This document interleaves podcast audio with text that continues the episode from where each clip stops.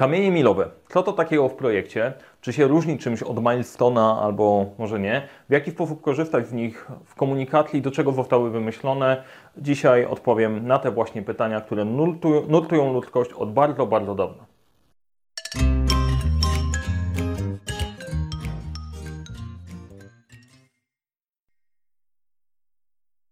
Cześć, nazywam się Mariusz Kapufta. Uczę jak rozpoczynać i kończyć z fuktefem projekty w świecie, w którym brakuje czasu, brakuje zasobów, za to nigdy nie brakuje problemów. A dzisiaj będziemy mówić o kamieniach milowych. Wbrew pozorom, sponsorem odcinka ani partnerem nie jest Inspekcja Transportu Drogowego. E, będzie bardziej przyziemnie. E, skupimy się na tym, czym są kamienie milowe, jak z nich skorzystać i jak, broń Boże, z nich nie korzystać, dla kogo one są I jak sensownie do tego podejść, żeby to nie było pisanie palcem na wodzie, ale pomagało Ci w prowadzeniu projektu. Zanim przejdę do tematu, ważna kwestia, jeżeli chcesz dostawać więcej informacji na temat zarządzania projektami, zarządzania w ogóle, interesuje Cię ta tematyka, zasubskrybuj kanał. Możesz kliknąć dzwoneczek, wtedy nic nie przegapisz. Jeżeli spodoba Ci się ten odcinek, daj lajka, w komentarzu napisz kilka ciepłych słów. E, zawsze mnie to napędza do kolejnych odcinków. A teraz nie przedłużając, bierzemy się za kamienie milowe. I dzisiaj bohaterem, który pomoże nam ogarnąć kamienie milowe, będzie Yamato i podróż Shoguna w jego zamku do zamku innego Shoguna. Ok, po co te kamienie milowe? E, po co w ogóle w nich korzystać i czym kamień milowy jest? Kamień milowy to bardzo ważny punkt w projekcie. E, definicja jest taka, to jest istotne wydarzenie projektowe, na podstawie którego jesteśmy w stanie mierzyć postępy.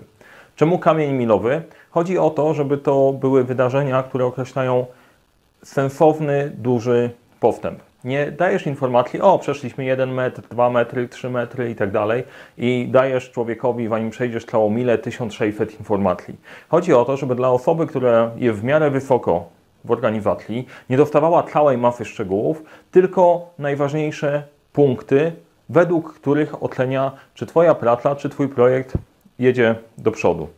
No, w przypadku naszego Shoguna Yamato sytuacja jest następująca.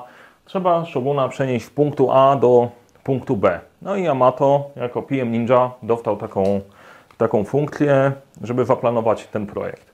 No i teraz tak, możemy opowiadać, drogi szogunie, teraz wsiadamy do lektyki. Wchodzisz do lektyki, zamykamy drzwi, pokonujemy pierwsze wchody, drugie wchody, dochodzimy do pierwszego punktu, później do drugiego punktu, tam spotkamy się z szogunem, y, Fenfejem. Fenfej opowie Ci o tym i o tym i razem pojedziecie do karczmy, gdzie będziecie wybierać men, menu. Na, na obiad będziecie jeść sushi, a wypijecie później fakę.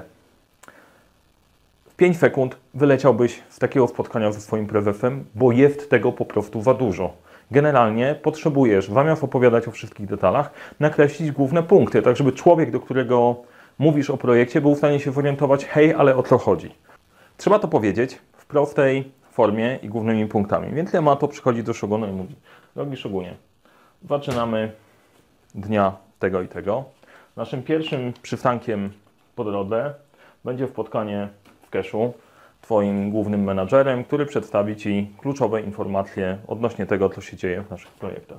Następnie spotkasz się z mentorem, głównym nauczycielem, który powie Ci, jakie są nowe trendy w zarządzaniu cefarstwem. Odpoczniemy sobie w knajpie i ostatecznie dotrzemy do zamku. Pięć głównych punktów, które są istotne. Ten wydarzy się pierwszego dnia, tydzień później będziemy tutaj, dwa tygodnie później tu, 16 dni w karczmie, 18 dni kończymy całą podróż. Proszę, tyle. Nie opowiadasz o tym, co się dzieje pomiędzy poszczególnymi punktami, jak wynikają te co tam się dzieje. Słuchaj, tu spotkamy trola, napadną nam w buje.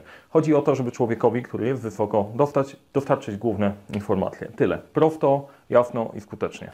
E, Shogun też nie będzie wprawdzał, co się dzieje pomiędzy, bo może się okazać, że tutaj potkniesz się z lektyką, potrwa to trochę dłużej. Trzeba będzie rozwiązać jakiś problem. Takie informacje też nie są istotne, żeby przekazywać je do swojego szefa, prezesa albo klienta, jeżeli nie wpływają na czas ukończenia kamienia milowego. To, co się dzieje pod spodem, to jest Twoja sprawa jako kierownika projektu. Sponsor będzie sprawdzał, czy Ty dostarczyłeś kamienie milowe na czas i będzie zarządzał Twoim czasem i patrząc przez swoje portfolio wszystkich swoich projektów, bazując na kamieniach milowych właśnie. Tyle. Teraz tak, skąd się biorą te kamienie milowe? Żeby te kamienie milowe dograć, e, to trzeba stworzyć harmonogram, bo nie wgadujesz ich po prostu od tak. Teraz dam Ci bardziej przyziemny przykład, który pochodzi z książki Zarządzanie projektami krok po kroku. E, budowy platu zabaw dla dzieci. No, podróży Szoguna pewnie będziesz organizował rzadziej, chociaż to nie, niekoniecznie.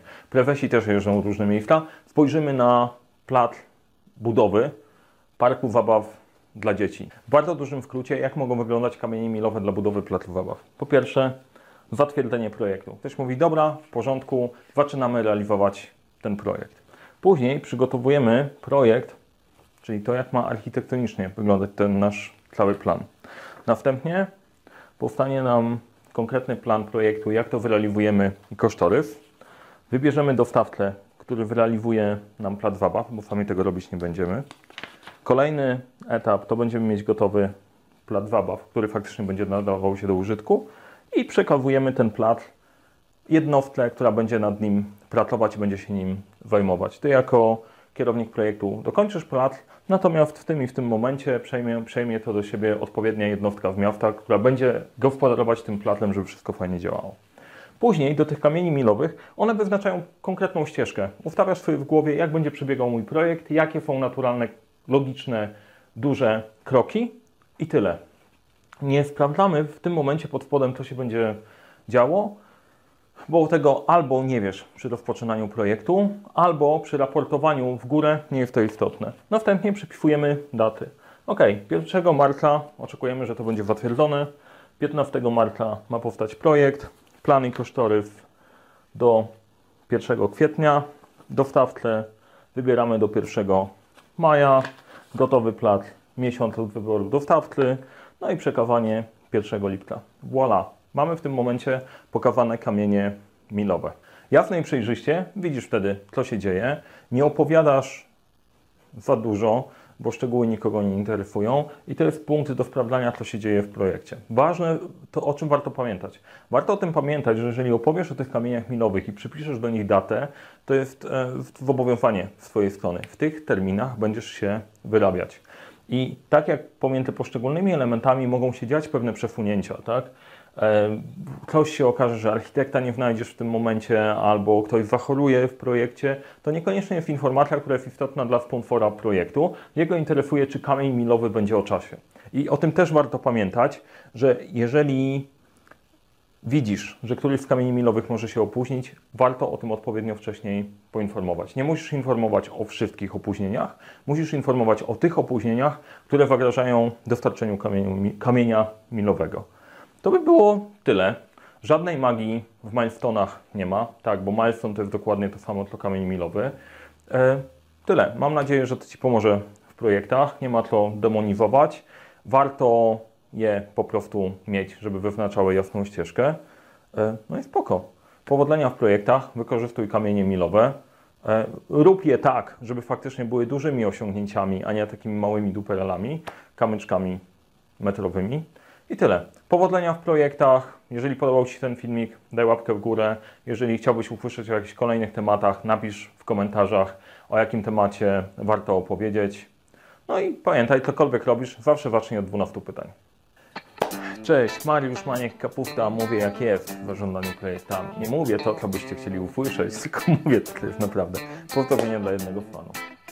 Dzisiejszy odcinek jest sponsorowany przez Inspekcję Transportu Drogowego. Będziemy mówić o kamieniach milowych. Kamienie milowe mogą być następujące.